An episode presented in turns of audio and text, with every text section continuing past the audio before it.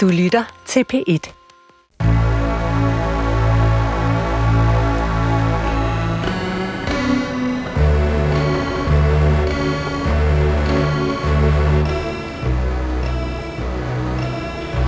Du har ringet til Hemmeligheder på P1. Tak for din hemmelighed. Vi lover at passe godt på den. Min hemmelighed er, at den første gode seksuelle oplevelse, jeg havde, det, det var med min papbror. Velkommen til Hemmeligheder. Jeg hedder Sanne Sigal Ben Moyal, og jeg har lige afspillet den første besked for den telefonsvarer, som du kan og skal ringe til. Eller, du skal ikke ret beset, men du kan, øh, og du kan ringe ind på 28 54 4000, og så kan du efterlade din hemmelighed. Du kan efterlade en telefonsvarer. Du kan også skrive, hvis det er for grænseoverskridende, og efterlade din stemme på en lille computer et sted i DR-byen. Jeg har hørt små fugle synge om, at nogen lytter til det her program som en guilty pleasure. Altså, nu siger jeg dårligt oversat, men er mange på bedre ord, sådan en skamfuld nydelse. Og der har jeg tænkt lidt over, hvad det betyder, når folk siger, at jeg lytter til det, men det er sådan en guilty pleasure. Altså, noget, der er skamfuldt, er vel en form for social konstruktion. Altså, det kan vel ikke være skamfuldt, hvis alle nu lyttede til hemmeligheder. Så ville det jo ikke længere være en guilty pleasure. Og jeg kan ikke helt finde ud af, om vi bare skal forblive folks guilty pleasure, eller om vi bare ligesom skal prøve at gå imod det, og ligesom få hemmeligheder altså, til at være noget ikke skamfuldt at lytte til. Det vil jeg, øh, det vil jeg stå i det, i det uvisse. I skal ringe ind 28 54 4000 med alle hemmeligheder, store, små, ufærdige, færdige. Der findes vist ikke øh, en rigtig øh, opskrift på, på den rigtige hemmelighed. I dag har jeg en gæst med mig, som er journalist. En journalist, som jeg forestiller mig faktisk tit går rundt med andre folks hemmeligheder, indtil de bliver historier. Men det kan jeg jo spørge hende om, for hun sidder lige over for mig. Velkommen til programmet, Maja Tækkeli, journalist på Frihedsbrevet. Tak. Er det rigtigt, eller er det... At jeg går rundt med andre folks hemmeligheder? Øhm, jamen, altså, en, en stor del af mit arbejde er jo at afsløre hemmeligheder, vil jeg sige. Hvis man sådan... så sidder du på dem? Jamen, det kan godt være, ja. Eller prøver ligesom at finde ud af, om, om der er en hemmelighed. En dårlig hemmelighed. Du er en Øh. hemmelighedsjæger. Ja, det kan man godt sige. En sladderstrisser eller en hemmelighedsjæger. Er det stressende? Øh, ja, nogle gange. Faktisk. Men øhm, altså, ikke mere end så mange andre jobs, vil jeg tro. Jo, jo altså, selvfølgelig, øhm, når man ligesom prøver at finde ud af noget, folk ikke vil have, man skal finde ud af, så bliver det jo sådan lidt et underligt kapløb om, hvem der kommer hurtigst væk, eller hvem der hurtigst kommer derhen. Ikke? Øhm, men jeg tror, at jeg tror, der er mange, der øh, ligesom har det på samme måde, som jeg har det i mit job. Der er nogle ting med det, der er hårde, og nogle ting med det, der, der er virkelig, virkelig fede. Ikke? Men, øhm, men man går da helt sikkert med mange hemmeligheder. Der er jo også, skal du tænke på, vildt mange, der skriver til mig om et eller andet, de synes er underligt, eller et eller andet, de har hørt og sådan noget. Nu synes jeg, der kan godt være sådan et forskel på sladder og hemmeligheder, og, og tips og sladder og, og, og, og tips og, og hemmeligheder. Men øhm, så, sådan er det jo nogle gange, så, så ved man noget, men man kan ikke finde ud af, om det er en rigtig hemmelighed. Hvad så, når du finder sådan en? Altså sådan en stor, saftig bøf. Sådan en rigtig hemmelighed. Mm, jamen, jeg er jo ret sådan tidligt i min karriere i virkeligheden, øhm, så øhm, det er ikke så tit, jeg har oplevet at finde sådan en kæmpe stor, saftig bøf, men når jeg har prøvet det, øhm, bliver man jo vildt nysgerrig, ikke? På samme måde som hvis der er nogen, der siger, okay, det her det må du ikke sige til nogen. Den, det er den samme slags nys- nysgerrighed, når man får en fornemmelse af, at der er noget galt, som er ulovligt eller meget, meget, meget forkert, ikke? Har du lyst til at sige det til nogen så? Mm, ja, men jeg kan godt vente. Uh, det, er en, det er en selvdisciplin. Ja. Ja. Øhm, jeg snakker jo med mine kollegaer om sådan nogle ting, så får jeg det ret meget ud på den måde. Men jeg synes, det er uansvarligt at fortælle ting, øhm, som jeg ikke er sikker på, hvis det er i forbindelse med mit arbejde. Også fordi det der, det kan gå hen og blive sladder. Ja, sådan, altså, der, der er nogle steder, hvor slaget er okay, der er andre steder, hvor det er upassende. Du har også en hemmelighed med til os. Jeg tænker, du har synes, det var svært at vælge. Det er der mange, der har synes, det har været. Jamen. Er det, fordi du har mange, eller er det, fordi du ikke har så mange, eller er der nogen, du ikke tænker, det er ikke en hemmelighed, eller de er bare for store? Ja, det var faktisk vildt svært for mig at finde ud af, sådan, hvad det var for en hemmelighed, jeg skulle fortælle. Øhm, og der tænkte jeg nemlig også, at jeg har ikke nogen hemmeligheder overhovedet. det, det, altså, det kunne jeg bare ikke få til at hænge sammen med min person. For jeg er egentlig sådan en ret privat person på mange måder. Øhm, så øh, det var i hvert fald ikke det, der var forklaringen. Og så tænkte jeg, at fordi jeg har hele mit liv er en hemmelighed. Og øhm, det synes jeg heller ikke. Altså, var egentlig meget sådan snaksalig og åben. Øhm, men jeg tror, det ligesom er, fordi jeg har det sådan helt udmærket med at dele hemmeligheder med folk i et rum, i et intimt rum. Øhm, et tillidsfuldt intimt rum, som øh, ikke er, bliver sendt på DR. Ikke? Øhm, så det er sådan et, det er det med, at der, det kunne være, der var nogen, der havde en guilty pleasure, der hørte det. Og så det andet er også, at ja, for mig er hemmeligheder noget meget sådan, altså når noget er en hemmelighed, så er det kun mit, ikke? Jo, altså så er det sådan en, jeg, jeg går i grav med den her hemmelighed. Jeg fucking går i grav med den her hemmelighed. Øh, og ellers så er det sådan noget, jeg ikke så meget har lyst til at sige, men jeg godt kan sige alligevel. Ikke? Øhm, det giver god mening. ja, jeg, jeg, jeg, sådan, jeg, jeg, det er meget svært for mig at forklare, hvad mit forhold til det er. Altså, det, jeg, jeg, jeg, øh, jeg synes så, til gengæld en vigtig ting at tænke over med det her, og tænker også, at vi kan, jeg, kan, jeg, kommer, jeg kommer helt sikkert til at nævne det igen i løbet af programmet, det er, at der jo også en forskel på noget, der er en hemmelighed, man holder for nogen, og noget, der er privatliv, ikke? Øhm, og, og, og i- altså, sådan at, tror jeg måske også, det er for mig. Altså, så skulle jeg så finde en hemmelighed, der ikke var fra mit privatliv, hvis det giver mening. Mm-hmm. Fordi der synes jeg, det er mit, det behøver vi ikke snakke om i radioen, men øh, jeg kan godt finde en anden slags. Så er der vel også nogle hemmeligheder, som du er, eller som man kunne dele med nogle dele af sit, altså venner, men ikke Ja, ja, med sin familie og omvendt. Mm, Så ja. hemmeligheder er jo også deres egen kamre, eller sådan. ja, præcis. Der er forskellige øh, grupper og forskellige steder, man gemmer det, ikke? Og så er der sådan, det, der er sådan, jeg kalder musehullet, som er sådan, du det er en, jeg kender, der beskrev ens sind som et hus, og så er det så musehullet i hjørnet af soveværelset, hvor du ikke engang selv kan komme ind. Der kommer vi ikke ind i det her program. Nej, For altså, mit vedkommende. vi kommer jo ind i det musehul, hvilket jo også er derfor, programmet har en eller anden form for sådan eksistensberettigelse. For vi kommer faktisk ind i det musehul af andre menneskers Præcis. øh, hemmeligheder. Og det, og det synes jeg er spændende, at de vil fortælle det. Jeg, jeg er meget sådan øh, glad for, at de vil det. Øhm, og jeg håber, at jeg ligesom kan tage imod det på en måde, som de oplever som respekt, respektfuld, når det så er, at de hører programmet. Ikke?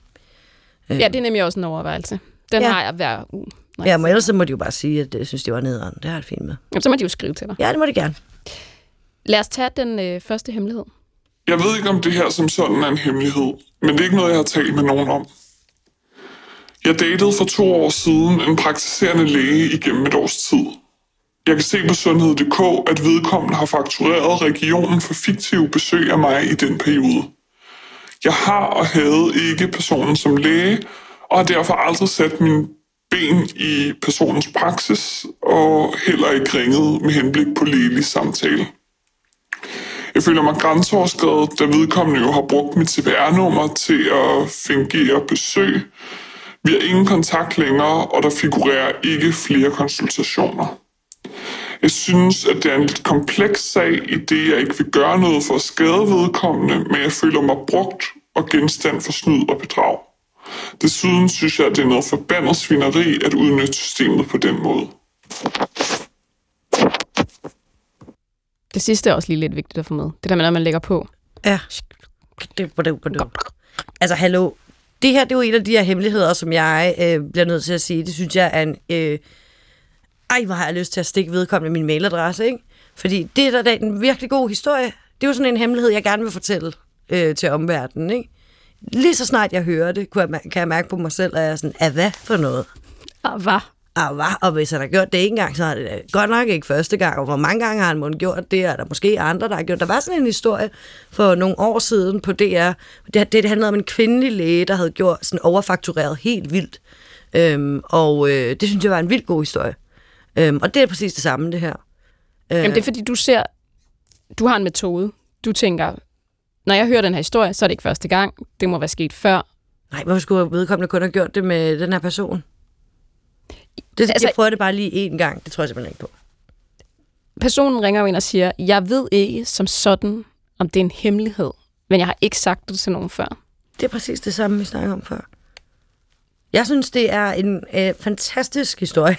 jeg synes, det er meget spændende. Og øh, jeg... Øh, Er det en hemmelighed? ikke længere. Øh, I hvert fald. Nu, nu er det fuldstændig overstået, om det var en hemmelighed eller ej. For nu er det ligesom sagt. Øhm, men det er da en hemmelighed, hvem det er, og hvor mange gange vedkommende har gjort det før, hvor mange penge det drejer sig om, og øh, hvor, hvor, hvor, hvor man, man gør det. Det forstår jeg ikke rigtigt. Det må være vildt underligt at finde ud af, at man har været en del af en eller anden form for svindel. Og det, jeg tænker, der kan give mening i at ringe ind med sådan en hemmelighed her, lige at prøve den af på nogen, der er mig i det her tilfælde, det er jo også, at man lige kan høre et, det, altså, det er en hemmelighed, det behøver det faktisk ikke at være, for det er jo ikke en hemmelighed, du har ikke gjort noget forkert. Men måske også lige sige sådan, hey, det er grænseoverskridende. Det, du Ja. har været udsat for der, det er super grænseoverskridende. Det er jo lovligt jo. Det er ulovligt, det er grænseoverskridende, det er, altså, det er en krænkelse, du har været udsat for. Og det kan måske være, at du kan bruge det sådan noget, hvis du lytter til programmet. Måske har du også bare efterladt en hemmelighed og tænkt, den skulle bare lige ud. Jeg skal ikke nødvendigvis lytte til, hvad folk mener om dem. Men hvis du lytter med derude, så det, det, det er meget, det er grænseoverskridende, det er ulovligt. Ja, og min mail er mig, frihedsbrevet.dk. Og så det er journalisten i mig, der simpelthen lige tager den første hemmelighed til en principiel. Det er en Altså- principiel historie, den her. Jamen det, og, det, og det er jo det, der er med det. Det er jo en, det er en vigtig historie. Så en hemmelighed kan, tror jeg, første gang i hemmeligheders historie, blive til en principiel historie. Altså et, noget, der faktisk er større end dig selv. Altså, Mhm. Så det er jo forfærdeligt, at du har været udsat for det her. Men det er faktisk rigtigt. Den her hemmelighed er faktisk større end, end hemmeligheden selv. Ja, det der er dybt forkert, altså. Ej, lad os, øh, lad os gå ud på din mail, og så lad os lige tage den næste hemmelighed. Min hemmelighed er, at jeg lige har købt min allerførste vibrator, og min mor ved det ikke. Min hemmelighed er, at jeg lige har købt min allerførste vibrator, og min mor ved det ikke. Velkommen til programmet. Mange tak. Jeg elsker mig og ser lidt øh, forvirret, men det er fordi, jeg tror ikke, du vidste, hun var igennem. Det sagde jeg ikke lige, men nu er du igennem. Så Hej. velkommen til. Hej, jeg Maja. Altså, den her hemmelighed er jo på en eller anden måde ret sød. Den er jo ekstremt uskyldig. Ja, og alligevel er det en hemmelighed. ja. Hvad, altså... Nu spørger, jeg, er det den første hemmelighed, du har for din mor? Øhm, nej, altså, det er det ikke. Men, men jeg, jeg er ret dårlig til at holde på min egen hemmelighed, og så, så sådan, hun, hun får tit, kommer jeg tit til sådan at sige, eller hente til jer nogle hemmeligheder, så hun sådan ved lidt noget. Ja. men, men lige med den her, der ved hun det slet ikke, tror jeg.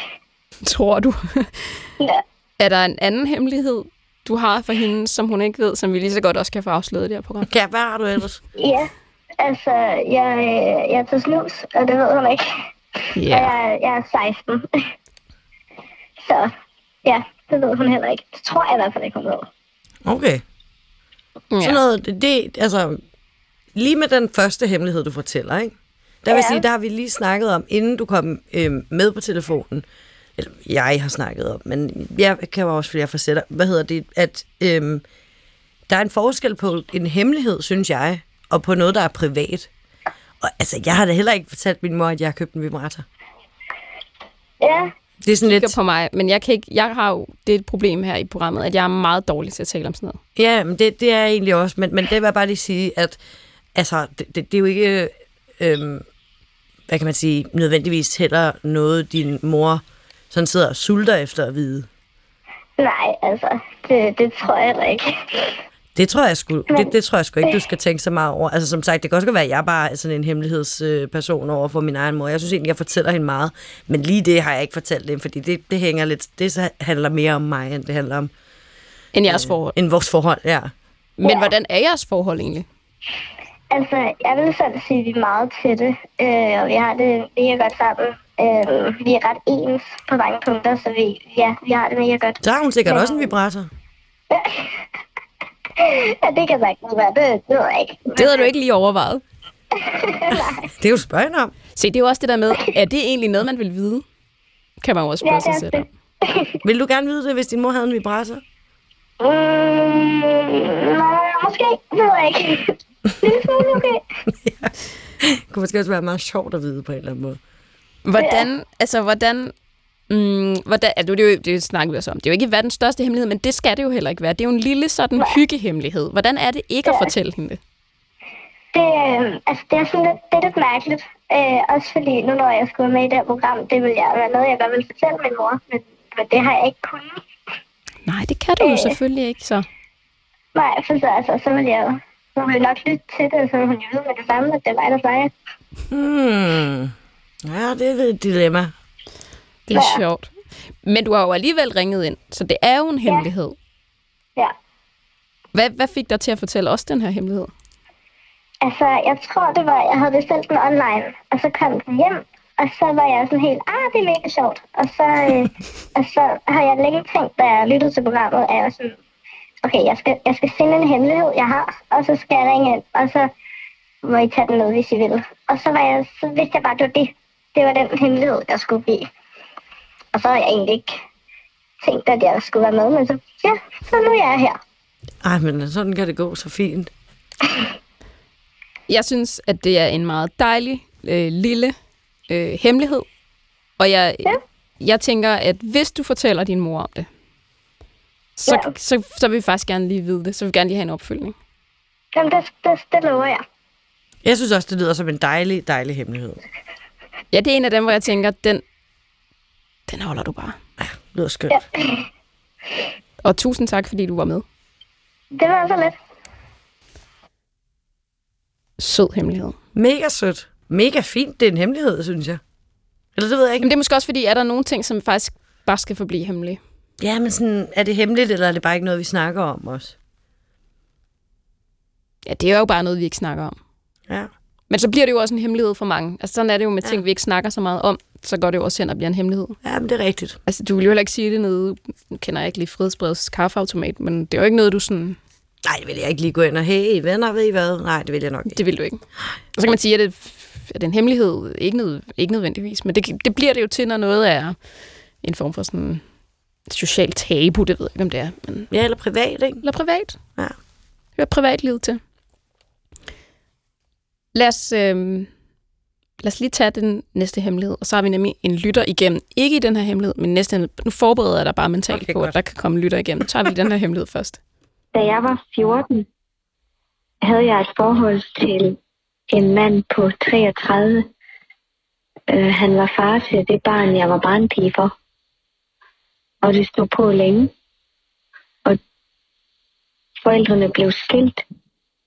Nok på grund af det. Men moren fandt aldrig ud af det. Øh, og vi er stadig venner i dag. Og øh, jeg ser det ikke som noget forkert. Jeg ser det som en af de fedeste tider i mit liv endnu. Selvom det er 20 år siden. Det var bare det. Jeg holder ekstremt meget af alle de små ting, I ikke tænker over, I siger, når I indtaler hemmeligheder, men slutningen, det var bare det. Den kan jeg virkelig godt lide. Det var sødt. Jamen også fordi, det er jo bare det. Ja. Altså, der er jo en afklarethed. Det var sådan set bare det, jeg ville fortælle. Der er jo det med, når I ringer ind, det er, at nogen ligesom er ved at sætte en historie sammen, som I ikke har sagt højt før, og så bliver den sådan famlende og mm, nogle gange usammenhængende, og så alligevel forstår man fuldstændig, hvad hemmeligheden er. Men den her, den har jo sådan et fuldstændig klart narrativ, og der er ligesom sådan en konklusion, der bliver sagt, jeg synes egentlig, jeg ser egentlig ikke, der var noget forkert i det. Det var en af de bedste tider, jeg nogensinde har haft. Så der er sådan, det er sådan en fuldstændig sådan form, formfuldendt hemmelighed, ikke? som lyder som en hemmelighed, man faktisk går i graven med. Ja, det gør det. Ikke? Jo, det gør det. Det er der nok også en grund til. Altså, øhm, det, er jo, det er jo sådan noget, der både er enormt privat, øhm, men som også, nu siger hun, det øh, handler hun, at det er 20 år siden, Det er 20 år siden. og øh, det er jo øh, en helt anden historie, hvis det er noget, der er sket nu, ikke? Altså, Ja, i hvert fald for at fortælle den. Man kan sige, at hændelsen er jo hændelsen. jo. Men hændelsen er ulovlig nu. Du tænker alderen. Jeg tænker alderen. Det er sandt. Og øhm, hændelsen er herre ulovlig nu. Øhm, og øhm, jeg har det sådan med det, at øh, det er vigtigt for mig at høre, at vedkommende øhm, har det godt med det og ser tilbage på det som en god ting. Fordi øhm, skal slet ikke tage vedkommendes oplevelse fra vedkommende, men, men det, det, der er jo tale om noget, der er ulovligt nu, og hvor der er et, et skævt magtforhold, ikke? Jo, det er vel også derfor, at man ikke, hun kan ikke tale om det frit. Præcis. Hun bange for blive dømt for det. Øhm, Og især hvis man har den oplevelse. Jeg, jeg tror måske, hvis man havde syntes, at det var altså dybt traumatisk, og det havde mm. været måske den værste tid i hendes liv, Mm, så havde det måske været rart at sige det og få en form for sympati eller medlidenhed, og ligesom mm. få lov til at være altså et offer for noget. Men det her, Mm. det er en god tid. Hun forbinder det med en god tid. Det var måske den, en af de altså, bedste tider i, i, i livet. Og det føles skamfuldt at sige det, mm, fordi sådan ville det ikke blive mødt. nej. Og det er jo det, der også er med sådan en hemmelighed. Det er jo, at det kan næsten, jeg får næsten, altså, åh, det må hun jo godt, altså, det må hun jo godt sige. Det må hun da så godt sige, men jeg kan også godt forstå det, for du kan høre, hvordan jeg reagerer. Det er det første, jeg hører, ikke? ja, ja. du hører, Hun er 14, han er 33. Det er for det første ulovligt, det er for det andet et skævt magtforhold. Jeg håber, vedkommende er okay. Og hvad der du så hører, det er hun faktisk. Hun er faktisk mere end okay. Så synes jeg, det er et interessant perspektiv, øhm, og noget, jeg gerne vil tale mere med personen om. Og der er din mail også bare mig og sådan. Nå, ja, Nej, Ej, du men- skriver bare, ej, nej, men der mener jeg bare, at, at, at der er, er der en, en del af samtalen, som godt kan mangle øh, for at forstå den her slags situationer. Øhm, For her er vi jo i musehullet. ja, Over i- også. Huset, som Ja. ja. du forklarede med værelset og over i hjørnet derovre. Altså, der er jo en hemmelighed her, som, som man kan også kan høre, hun antager ikke vil blive forstået. Mm, Og så er det jo klart, at så holder man jo alle kort tæt ind til kroppen. mm, Fordi det er jo heller ikke sådan, at en god oplevelse i hendes hoved skal vendes til noget dårligt. nej, Så jeg vil også sige, hvis du tænker, at den vil blive misforstået, eller at der er nogen, jeg håber da også, der er nogen i dit omgangskreds, der forstår sådan noget, ja, selvfølgelig. altså på den måde, som du har oplevet det. Så øhm, ellers så var det jo meget godt, du ringede ind. Ja. Fordi som Maja siger, så er det jo rigtigt, at det er jo en, det er jo en historie, du har oplevet på en bestemt måde, men som kan høres på en anden måde. Altså sådan, ja, holder lige en pause, fordi vi skal til en hemmelighed, som vi skal have genfortalt af den person, vi har igennem, den lytter, vi har igennem. Så jeg tror egentlig, at jeg bare vil sige velkommen til. Tak. Hvis du starter med lige at fortælle, hvad din hemmelighed er, så kan vi, så kan vi gå ind i, i materien øh, efterfølgende. Ja. Øh, jamen, jeg kan sige den helt kort. Øh, så kan vi tage konteksten bagefter. Øh, min hemmelighed er, at... Øh, ja, min hemmelighed er, at jeg føler mig enormt forrådt. Øh, ofte, når øh, folk i min omgangskreds fortæller mig, at de skal have et barn. Eller er gravide, eller et eller andet, hvordan jeg nu siger det. Øh, og det skammer jeg mig over. Fordi jeg vil jo gerne bare være glad. Eller glad på deres egen. Vi går ind i, hvorfor du har det sådan, men hvordan reagerer du, når, når de siger, øh, vi, skal, vi skal have et barn til sommer? Jamen, det er sådan en... Øh, en det første, den allerførste følelse er nok skuffelse. Og så bliver det sådan noget med, at jeg vender det lidt indad, eller sådan spejler mig i det. Øhm, så jeg kan godt finde ud af at sådan, på overfladen blive glad og sige tillykke og sådan noget. Men jeg kan mærke, at det er sådan en mavepusterfølelse. Og jeg har også mange gange fået decideret angstanfald. Så snart jeg kunne øh, være bekendt, eller hvad man siger. Altså, når jeg var uden fysisk for rummet, eller kunne jeg kunne trække mig. Og hvordan er det, du har, du har selv en familie? Ja, Så altså, Jeg du har har selv barn. ja, du har selv børn. ja. Et barn har jeg. Øhm, og det var noget, jeg, det, er noget, det er sådan en... Altså, det er noget, jeg har tænkt en del over, siden jeg har fået barn, fordi jeg troede, ligesom, det ville ændre sig, med at jeg selv fik et barn. Og det har det ikke gjort. Ikke, ikke 100 procent i hvert fald. Øhm, Men så er det måske det nu, vi skal prøve at komme følelsen lidt nærmere. Altså, hvad er det, du ligesom føler, når de proklamerer, at nu er der familiefølelse, eller jeg ved ikke, om huskøb også trigger det, eller sådan, altså hele den der sådan etablerede orden. Ja, nej, men det er, altså, det er helt klart mere, øh, børn. Men jeg ved ikke, der er ikke så mange, der kan plus, så det kan godt være, at det også bliver det. Altså, det er den her konf- konformitet, eller sådan, jeg føler ligesom, at vi går på hold sammen, og øh, alle boomerne har sagt til os, at det skulle vi alt det, og det, det, den og den og den måde, og bare vent til for børn og alt sådan noget der. Og, vi, og selvfølgelig, altså sådan, når de kommer og siger det, så føler jeg bare, åh nej, nu bliver vi splittet ad, eller sådan, jeg ved ikke, om det giver nogen mening. Øh, så sidder vi i hver vores lille boble. Og Ja, du følte, I havde et sammenhold. Ja, jeg følte, vi havde et sammenhold, og jeg følte også, at vi kunne gøre tingene på en anden måde. Øhm, og det er vi bare, så bare ikke rigtig lykkedes med. Altså, det er jo en større ting måske, men personligt så bliver det sådan... Øh, jamen altså, nu lever, nu lever vi op til, nu lever jeg op til det, og nu lever de også op til, til det, som var blevet forventet. Altså, det er sgu lidt ærgerligt. Så det er sådan en kollektiv skuffelse. Ja, lidt. Som rammer mig sådan helt øh, i maven, ikke? Øh, Og, og hvordan, nu sagde du lidt om, hvordan du får det, men hvordan, altså sådan, hvordan får du det, når du har det sådan? Hvad- Hvordan føles den følelse? øh, jamen, det er sådan helt... Hvad siger man? Øh, Altså, jeg, sådan, jamen, jeg tror, det, det, det nærmeste, der kommer, det er, når sådan mavepuster. Altså det der med sådan lige at blive sådan slået ud af det, man var i, eller sådan, og så lige miste pusten, og så skulle sådan, okay, dyb vejrtrækning, vi tager det lige, fint nok.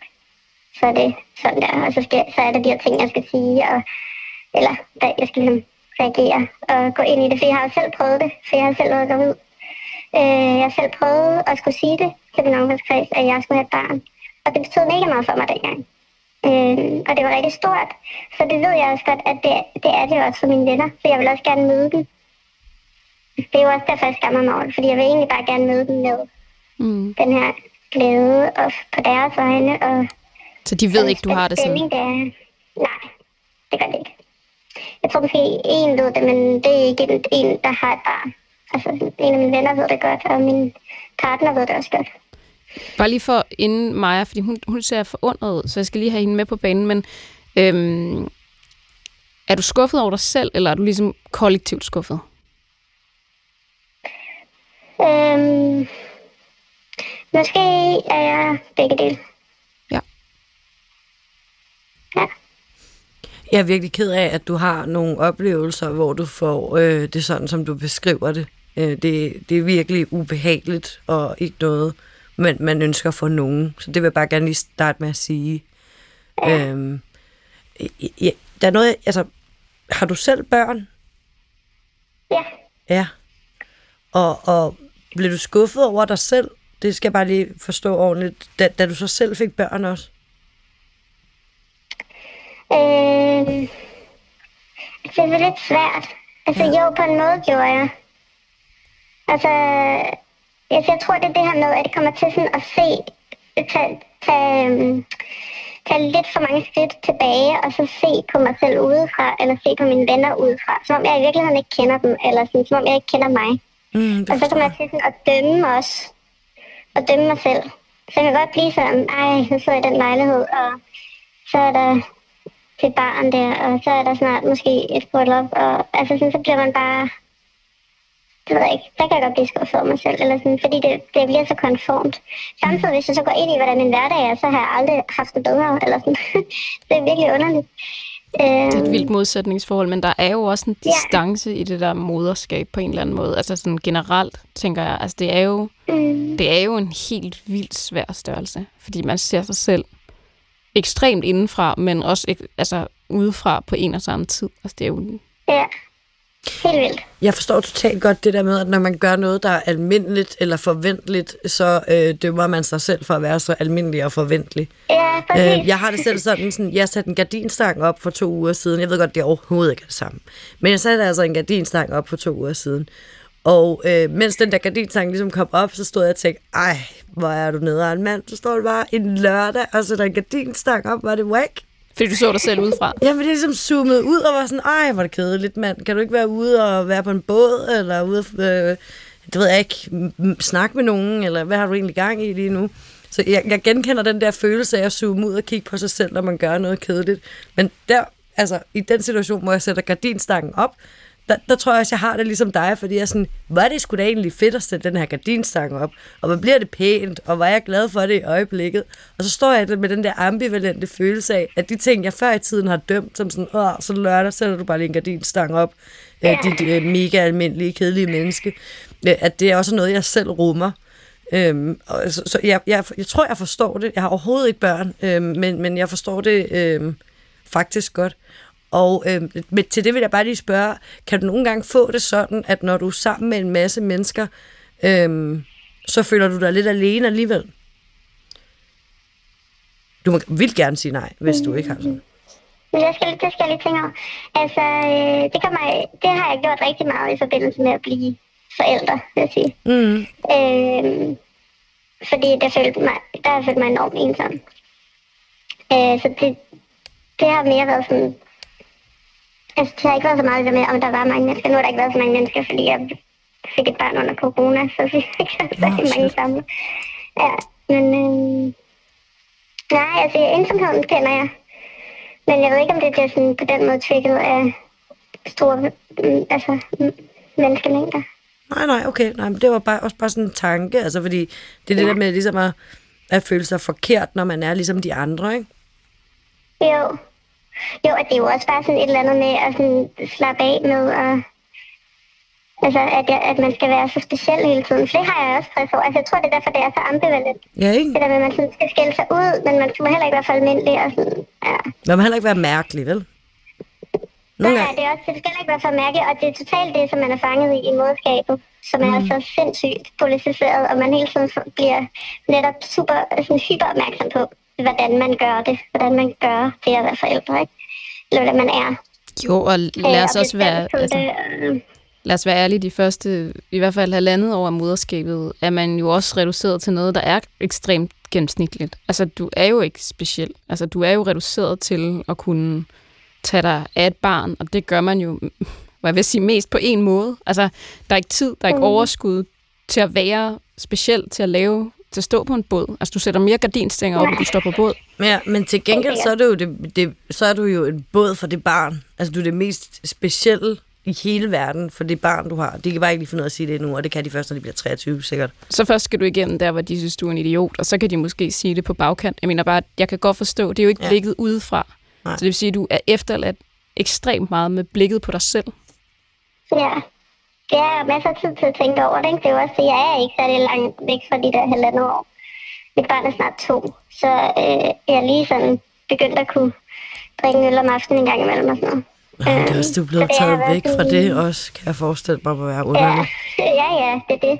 Um, og min, altså, ja, jeg tror også, det, det, er sådan, det er sådan lidt to verdener på én gang. Altså, mm. den der følelse, med at føle sig alene, når man er sammen med andre, den har været meget tilstedeværende, fordi jeg sådan, følte, at der var ingen, der kunne forstå, hvad jeg gik igennem. Altså heller ikke mødergrupper eller andre. Mm-hmm. Det var så specielt. Men den følelse kender jeg godt. Så det er jo ikke engang en moderfølelse nødvendigvis. Jamen, den følelse kender jeg godt, den er bare det tror svær. jeg heller ikke. Men Også fordi den er svær at Ja. forklare. Den er svær Ja. at oversætte. Ja. Jamen, Ja. jeg, jeg er glad for, at du sætter ord på det, fordi jeg kan virkelig godt få det sådan også. Så bare føler mig mærkelig, eller sådan noget. Jeg ved ikke engang, om mærkelig er det rigtige ord, men sådan ved siden af på en eller anden måde. Det er, er sådan helt forkert på mm. alle måder. Eller sådan, øh, og så det der med, at, man, at det er svært at... Altså, hvor skal man starte? Hvis man skal prøve at sige det til dem, man er omkring. Mm. Jeg, jeg, sådan, jeg tror også, det har, har sådan lidt blokeret det, så, jeg, så er det blevet endnu mere ensomt, fordi jeg sådan har givet op på at skulle sætte ord på det over for de mennesker, der er omkring mig. Fordi jeg tror ikke, de kan forstå det. Jeg kan godt forstå det, og jeg kender dig ikke engang. Nej. Hvordan føles det at blive forstået?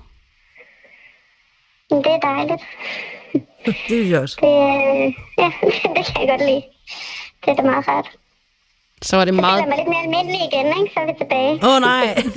Åh oh, nej, du kan forstå mig, hvor nederen. Øh, ja. Ja, med dårlige følelser, så plejer jeg at gøre det, at jeg ligesom, øh, ikke fordi jeg skal råde dig til at gøre noget som helst, men mere bare sådan, jeg plejer, når jeg får enten den der gardinstangsfølelse, eller en anden dårlig følelse, så ligesom at hilse på det, som om det er en, der kommer og besøger mig. Øhm, sådan hilse på det som en gammel ven, ikke? Og være sådan, ah, så, så kom du, hvad vil du nu? Er det fordi, jeg Mm. havde- sætter en gardinstang op? At nu skal jeg have det mega dårligt, eller hvad? den sådan dialog med det, synes jeg er ret sjov. Det får jeg det i hvert fald bedre af. Så har du også lidt distance til følelsen måske. Eller Ja, ja, du kan bedre sige farvel til den. Præcis. Så står jeg og vasker gulv, så det skal jeg have det dårligt med, eller hvad? Jeg bliver nødt til at vaske gulv. Det er beskidt. Jeg kan kun bakke op om den strategi, øh, fordi jeg er blevet god til, nu siger jeg det ikke til mig selv så meget, for jeg er aldrig alene, hvilket er en helt anden hemmelighed. Men så siger jeg det til min partner, så siger jeg, øh, det er så nogle andre ting, så bliver jeg sådan lidt skør på en anden måde. Så siger jeg, nu går jeg lige ind i det rum, hvor jeg bliver lidt skør. Øh, så fra, fra nu af behøver du ikke ligesom, måske nødvendigvis tage dig af det, jeg siger. Øh, men der vil lige være en periode fra nu, og ja, det kan jeg ikke lige sige, hvor lang tid det vil vare. Men hvor jeg lige har, at du kender de der følelser, du ved, hvad det er for nogen. De svære. Altså, og så kan det jo være hvilket som helst, du kan udføre. Så, så, så har jeg en distance til det selv, fordi jeg ligesom i tale sætter, at jeg er på vej ind i, i, i det rum. Og så ved han det også, ikke? Ja. Smart. Det er faktisk et lidt lavpraktisk, men ret smart råd. Gardinstangsråd, tror jeg, mig har kaldt det. Lige hils på vennen. Ja, undskyld mig, jeg lige hænger en gardinstak op, men jeg kan godt gå hen og være speciel, når jeg har gjort det. Ja. Og så tror jeg, der kommer en tid på den anden side af, af sådan noget med børn, som lige giver øh, lige ens personlighed igen. Altså lige siger tak, tak, tak for lån. Nu har du været noget for en, en baby, og nu kan den heldigvis gå og stå og lige finde noget havregryn i, i en pose, og, og nu må du godt prøve at være dig igen. Kan du bruge det til noget, eller sidder vi bare og siger alt muligt? Nej, nej, jeg kan virkelig godt bruge det til noget. Jeg sidder bare og kigger på et vindue, hvor der mangler et gardin, og tænker, det skal fandme Fuck, hvor er det sådan. øhm, Ja, men øhm, ej, det kan jeg virkelig godt bruge til noget. Og det er sjovt, fordi at, det, at jeg har alligevel bevæget os lidt væk fra min hemmelighed på noget. Eller sådan længere hen. Øhm, I noget, der handler meget mere om mig selv, end jeg troede, det handlede om ja, mine relationer til mine venner måske. Sådan ender det desværre øh, altid, må jeg sige. Øh. Okay. det ender altid med, at øh, man skal tilbage til sig selv. Desværre. Ja, Eller måske heldigvis, så er det måske også på en eller anden Ja. måde lettere at løse. ja, Eller jeg. rumme. Det skal jo ikke løses nødvendigvis. Det skal bare have en plads. Ja. Venligst tænk på mig, når du sætter det der gardinstak op. ja, hvis det nogensinde sker. Ja. Jeg tænker, at jeg skal udtale på en båd. Øh, men okay. Lad mig se, hvad det bliver. I hvert fald tusind tak, fordi du delte din hemmelighed med os. Ja, tak for det, Matt. Hej, hej. Det der med at blive rummet, ikke? Det er vidunderligt. Ja. Det er hvor så godt. Ja. Hvad tænker du på? Altså, Jamen, jeg tænkte på, at jeg hører en morhemmelighed, og du hører faktisk en universel hemmelighed. Og det tror jeg var godt for mig. Altså, fordi det er det der med, når man kommer ind i sådan en... Vi er jo alle sammen vores krise og ekokammer og sådan noget. Jeg er jo i, i den periode, så alt, hvad jeg ser, oversætter jeg til noget med mor. Fordi jeg er reduceret til at være nogens mor. Så meget sjældent er jeg noget andet. Så jeg hører alt som mor. Men det kender jeg godt, fordi øhm, jeg er hele tiden på arbejde, fordi jeg ikke har nogen børn, så alt jeg hører er sådan, hmm, det lyder da som om, jeg skulle have en e-mail omkring det, ikke? Altså, Men på den måde sidder vi jo to rimelig arbejdsskadede typer. Fordi jeg betragter øh, det at have et barn som arbejde. det tror jeg på. Og når jeg kigger på min egen mor, der må have været forfærdeligt, hun skulle have haft lønforhøjelse, mand. Jamen tænker du ikke også, nu siger du sådan, om så kan man takke sine forældre. Det gør man jo ekstremt sent i livet. Jeg er begyndt at gøre det nu, håber jeg, at de oplever. Du er også i midt-20'erne. Ja, faktisk. Ikke? Det er jo lang vej hjem. Åh, oh, det er lang tid, man skal over til mand. Er klar over, meget man skal. Man skal så frygtelig meget igennem. Ikke? Og så til sidst, så kommer der måske sådan en, hey, du har faktisk gjort dit bedste. Tak. Puh. Og så skal de låne penge igen. Altid. Det er altid noget med penge. Og den næste hemmelighed er faktisk også noget med penge. Okay. Så, øhm, så lad os gå videre af det spor. Hej, øh, jeg har en hemmelighed. Jeg fortryder rigtig meget, at vi brugte omkring 100.000 for vores bryllup. Fordi ikke, øh, ikke fordi jeg ikke elsker min kone eller noget, men fordi det var, var en illusion at, at skulle have det. Og så mange penge for noget, der går over på 10 timer. Øh, ja, det er min hemmelighed. Se, det her det er, det er en af dem, der er lavet på farten, kan du høre. Så derfor er lydkvaliteten lidt anderledes. Men Øhm, 100.000 på et bryllup, ikke? 100.000 på et bryllup, og så synes jeg, der bliver endda en fin formulering. Det er ikke, fordi jeg ikke elsker min kone eller noget. Altså, så der er ikke sådan, det er ikke fortrydelsen af brylluppet. Det er fortrydelsen af, at man har brugt 100.000 kroner. For mig er 100.000 også bare mange penge. 100 procent. Altså, jeg, jeg har aldrig haft 100.000. Nej. Aldrig. Altså, du tænker, du har aldrig haft 100.000 stående et sted? Jeg har aldrig haft 100.000. Sådan, jeg har bare lige 100.000 nu. Det kommer jeg heller aldrig til, for jeg har det er så sindssygt forbrug, altså. Så det kan jeg godt forstå, man synes, det er mange penge. Ja. Om det så er dyrt, det er spørgsmålet. Jeg aner ikke, hvad et bryllup koster, for jeg kunne aldrig Aner finde på at bruge 100.000, og det er ikke nogen fordømmelse af det her. Jeg tror faktisk, at et bryllup koster 100.000. Altså nu siger jeg det som sådan en, det kan man jo selv bestemme, men jeg tror, at mange bryllupper koster 100.000. Hvad skal man bruge? Ja, man skal vel finde ud af, hvor skal det øh, være henne. Så skal du og- lege et sted, og så skal du have Ja. mad, og du skal have danselektioner, og en fotograf, og øh, du ved, altså, Mm. jeg, jeg tror bestemt, at så skal du have noget musik og sådan noget. Jeg, jeg, Nå ja. jeg tror faktisk 100.000 er noget, folk investerer i et bryllup, så jeg tror slet ikke, at det er øh, på nogen måde sådan outrageous, men det er jo ekstremt mange penge. Det her mange penge. Jeg kan ikke høre, om fortrydelsen ligger i, vi kunne have brugt dem bedre, eller... Det er bare sådan en... Det er noget, der nærer. Det nærer den her person, at der, er blevet, at der har været en stor udskrivning på 100.000 til noget, som kunne have brugt på noget andet. 100.000. 100.000 er mange penge, mand. Jeg kan se, at du er chokeret over, at man kan bruge 100.000 på et bryllup. Jeg er af, at man kan bruge 100.000 på én ting. Du har så bare brugt et- et 100.000 på mange ting, jo. Ja, ja, der har brugt mange 100.000 på alle mulige ting. En båd, en gardinstang, alt muligt. Men øhm, Er du sådan ligesom hemmelighedsfuld i forbruget? Altså, er du, er du, øh, altså, har du hemmeligheder i forbruget for dig selv? øh, ja, Okay. jeg har her mange hemmeligheder i forbruget. For eksempel, øhm, ja, alt muligt. For eksempel alt muligt. Som jeg ikke har lyst til at snakke med mig selv om lige nu. Ja, det forstår jeg godt. Men øh, jo, altså, Altså noget af det, som jeg tror, man lyver meget om, både for sig selv og hvis man er i et forhold og sådan noget, det er jo økonomi. jamen, gør det også, øh, rigtig ja, men jeg tror, vi kommer tilbage til det lidt til. Okay, spændende. Ja. Fordi det, altså, det er jo... Øhm, det er også tit sådan en ting, folk går fra hinanden. Og, altså sådan noget med, hvordan. Ja. man bruger penge. Jamen, penge er øh, dødsensfarlige. Ja. Altså, og, og det, det er selv, når folk dør, ikke? Nu ser jeg sådan et program, der handler om sådan øh, sindssyge diskussioner efter folks død vedrørende arv, ar- arvestykker og, og penge. Det er jo sådan, selv når nogen dør, så det, det kan handle om, det er at give mig pengene. Prøv at tænke på, når man sidder der i den fredag i marts, hvor de frigiver skat, ikke? og du sidder som nummer 3 millioner i køen sådan en aften. Ikke? Altså, det er jo penge, vi ved, vi har. Vi har været inde på årsopgørelsen. Og jeg kommer aldrig til at forstå, at man sidder i den der kø. Det bliver jeg bare lige nødt til at sige. Hvis der er nogen, der lytter med derude, der sidder i den kø, hvorfor? Hvorfor ikke sidde i den kø, hvad kan man sige, mentalt i den kø i et par dage, og så gå ind og logge på, når alle de andre kø personer Men det er, fordi færdige? penge har en tiltrækningskraft. Ja, men altså, okay. Det har Okay. det ikke på dig på den måde. Jo, jeg vil gerne have penge, og bruge penge, og spare penge, og sådan noget. Men øhm, 100.000 kroner på et bryllup. Problemet er, at du får dem aldrig igen. Altså, det er det der med sådan, det er jo ikke en investering. Du har ikke købt et Rolex-ur, du har ikke købt en Chanel-taske. Det har ingen værdi. Altså, lige så snart du har holdt et bryllup, som jo så også har en værdi, fordi det tænker jeg er meget, meget dejligt, hvis du er gift med den, du godt kan lide.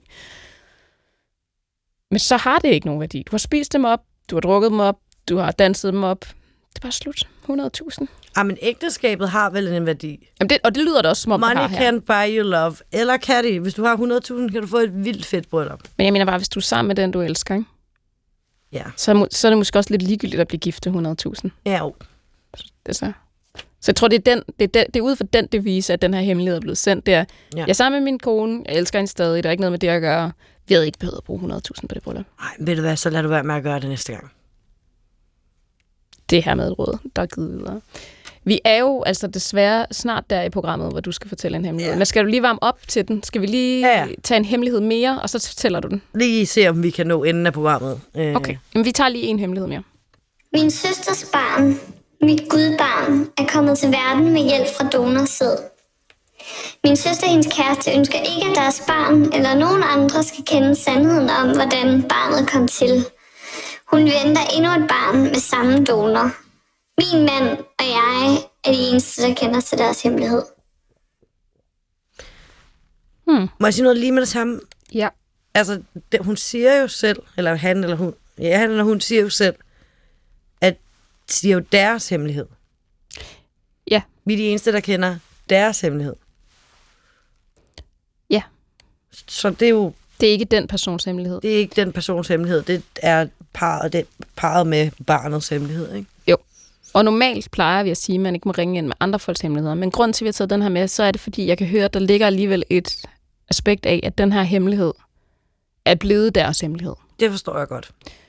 Det forstår jeg også godt. Når du bærer på nogens hemmelighed meget længe, som er en, altså en meget kompleks hemmelighed, Mm. og også måske kontroversiel for nogen, Mm.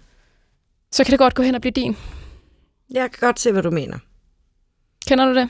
Når du har båret på nogens hemmelighed i lang tid, Ja, jo, jo. den bliver på en eller anden måde lagret i dig. Ja, det gør den. Lidt ligesom øhm, søstjerner og koralrev. Ja, det tror jeg lige, du skal uddybe for. Ja, men det er fordi, jeg vil lave en meget mere popkulturel og sindssygt kikset reference, Mhm. som handlede om øhm, øh, i øh, hitserien, øh, hit, øh, smash hit filmserien Pirates of the Caribbean, er der noget, der hedder øh, Den flyvende hollænder. Er det ikke, den hedder? Sådan en stor båd, som Ja. er en meget savnomspunden båd, som så er blevet amerikaniseret i den her tv- øh, eller filmserie, ikke? Og besætningen på den båd, de øh, har ligesom... Øh, jeg, skal nok lade være, jeg kan se, jeg prøver at nå dertil, hvor vi ikke skal snakke om min hemmelighed. Besætningen på båden, de har ligesom sagt ja til at arbejde der, øh, fordi de øh, ellers ville dø. De får reddet deres sjæl af ham her, øh, blækspruttemakkeren, som så er i kaptajn i Pirates of the Caribbean filmatisering. Men mens de arbejder der, bliver de en del af skibet. Og så tænker jeg, ej, det er simpelthen for kikset at, at fortælle det her. Så jeg vil hellere sige det på sådan en smuk, refererende måde. Og du er nødt til at give kontekst, nu giver det god mening. Ja, ikke? Men jeg ved ikke engang, om søstjerner bliver en del af koralrev. Nej, men det er følelsen af at blive fanget ind i noget, som lige pludselig også bliver dit anlæggende. Og det er det jo her. Ja. Fordi, Så bliver man en del af det der skib, man ikke har noget med at gøre, ud af at man arbejder der. altså. præcis. Og det er jo... Det her, det er jo familie. Og dem ser man. Og man synes, nogen har patent på en sandhed, som ikke er din at fortælle. Men hvem skulle man fortælle det til? Det forstår jeg slet ikke. Psst, har I hørt? Fremgår det, at børnene ikke ved det? Ja, hvis det er dem, par, Ja, ikke? vedkommende og vedkommendes mand, og vedkommende Det er det, jeg mener. Så er det jo alligevel en stor hemmelighed at bære over for børnene. Okay, det, jeg havde slet ikke tænkt over det her. Ikke? Prøv at forestille dig, når børnene er jo. 16 eller 18, og du bliver voksen, og du får et forhold til dem, og mm. du ved noget om, om dem, som er meget, øh, kan være en sindssygt vigtig brik i deres puslespil, men som de ikke kan lægge. Men du ved det. Ah, det er stressende. Ja, det kan jeg godt se. De vil ikke sige det til børnene. Ja, okay. Hmm.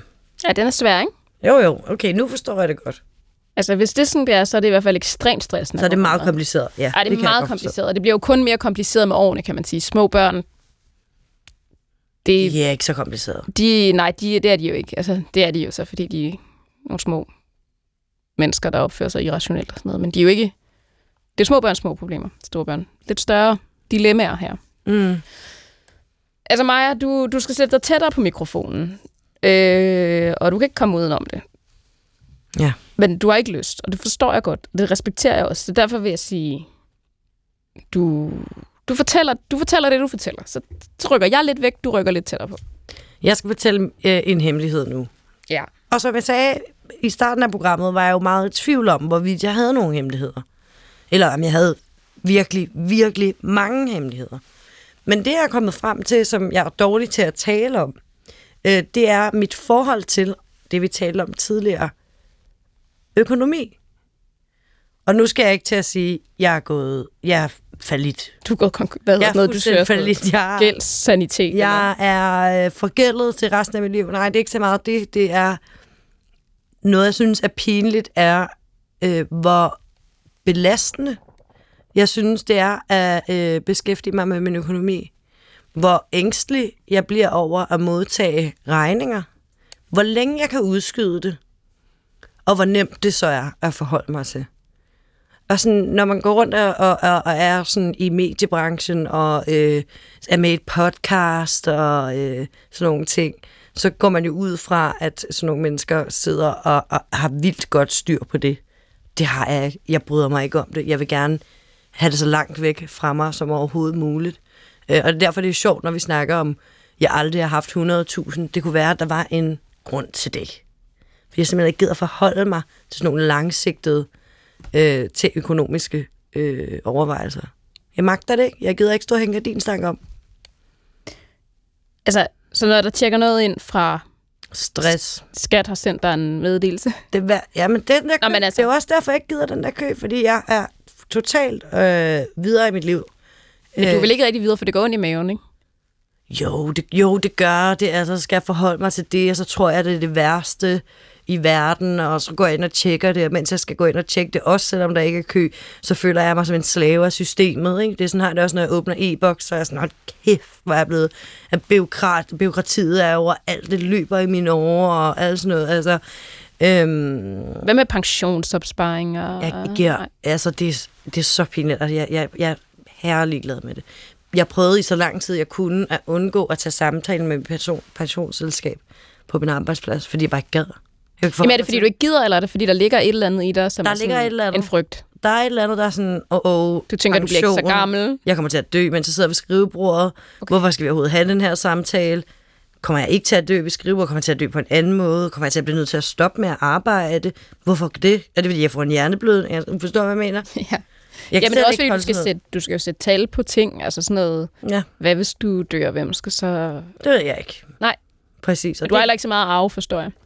Øh, jo, det, kan, det tror jeg ikke. Jeg ved jeg ikke. Det kommer an på, hvor, hvor, hvilken side af mine forældre jeg holder oh, nej, på. jeg tænkte, hvis du nu døde, det Nå. håber jeg virkelig ikke, du gør. Men jeg tænker, men alle de ting, man skal forholde sig til med, eller spare op til ting, altså, det er jo meget abstrakt at spare op til noget. Du kommer til at gå på pension, når du er 80, eller sådan noget. Jamen, der er jo nok død. Altså, men forstår du, hvad jeg mener? men det håber jeg da ikke, Nej, men- det håber jeg da heller ikke, men sådan, jeg, jeg synes, det er meget sådan... Du kan ikke tænke så langt. Jeg kan eller ikke- det kan du jo godt, Nej, men du jamen, vil ikke. Men, men faktisk så er det måske faktisk det, der er hemmeligheden. Nu indrømmer jeg en masse Ja. ja. ting. Så, for, nu får jeg det hele. Nu bliver det bare personligt. Nej, men øh, jeg synes jo også, bare, at det kan være svært bare at lægge en, en, en plan fremad. Sådan noget, hvad skal du på lørdag? Ja. Så der har jeg det sådan, ikke noget, og jeg vil gerne holde det sådan indtil på lørdag. Eller måske fredag. Fordi jeg tror, jeg er meget lunefuld, så det er sådan, jeg kan jo ændre min mening på lørdag, kan det være, at jeg ikke gider noget som helst. Jeg kan ikke, jeg, jeg kan ikke lide at planlægge frem på den måde. Jeg synes, det er underligt. Det kender jeg rigtig godt. Men man kan jo godt ligesom blive nødt til med penge, fordi penge er vigtige. Mm. Det kan vi godt blive enige om. Ja. Penge er rare at have. Det giver en frihed. Det giver en tryghed. Gør det det for dig? Mm, ja, det giver en frihed. Men ikke en tryghed. Øh, jo, jo, med frihed kommer tryghed. Og øhm, det er vigtigt. Men så prioriterer du jo ikke at have den.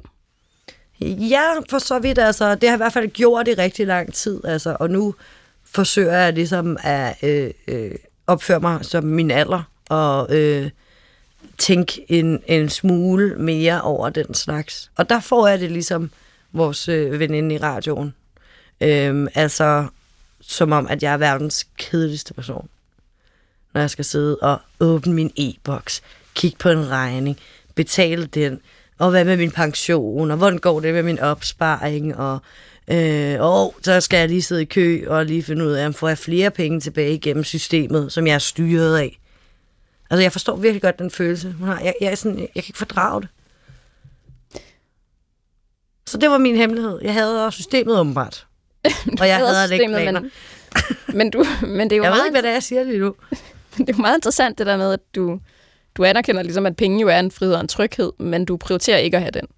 Så du prioriterer ligesom, jeg kommer til at leve uden sikkerhedsnet. Det lyder jo forfærdeligt, når man siger det på den måde. Nej, men ikke nødvendigvis. Det lyder da også vidunderligt og spontant og dejligt og impulsivt at bruge dine penge nu, og du er her i dag, og du ved ikke, om du... Altså, det behøver du ikke nødvendigvis. Mm-mm. Du lever fuld carpe diem. Og så alligevel ikke, for jeg kan godt lide at have x antal kroner lige liggende. Og det er den der side af mig selv, som er begyndt at blive større. Okay, Og jeg kan ikke alderen.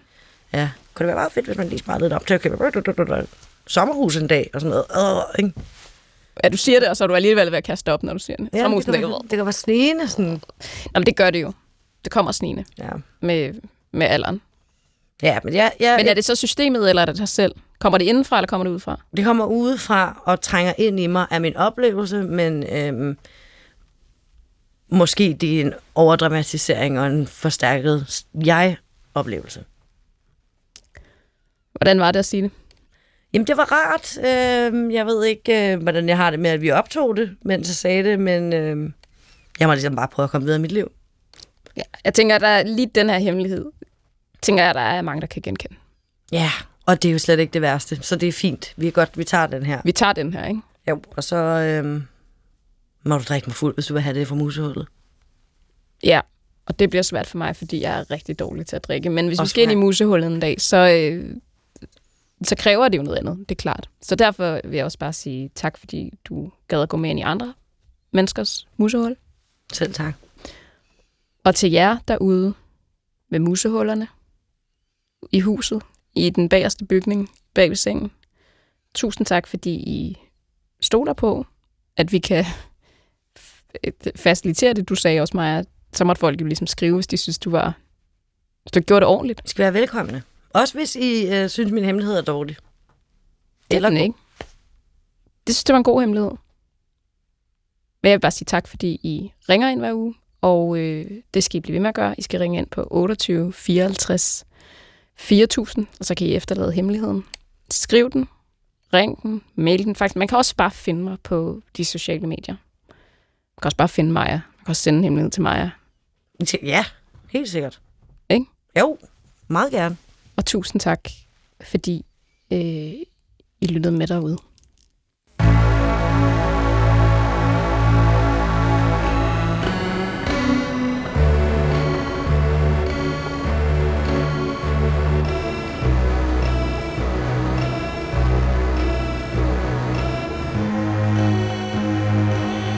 Du har ringet til Hemmeligheder på P1.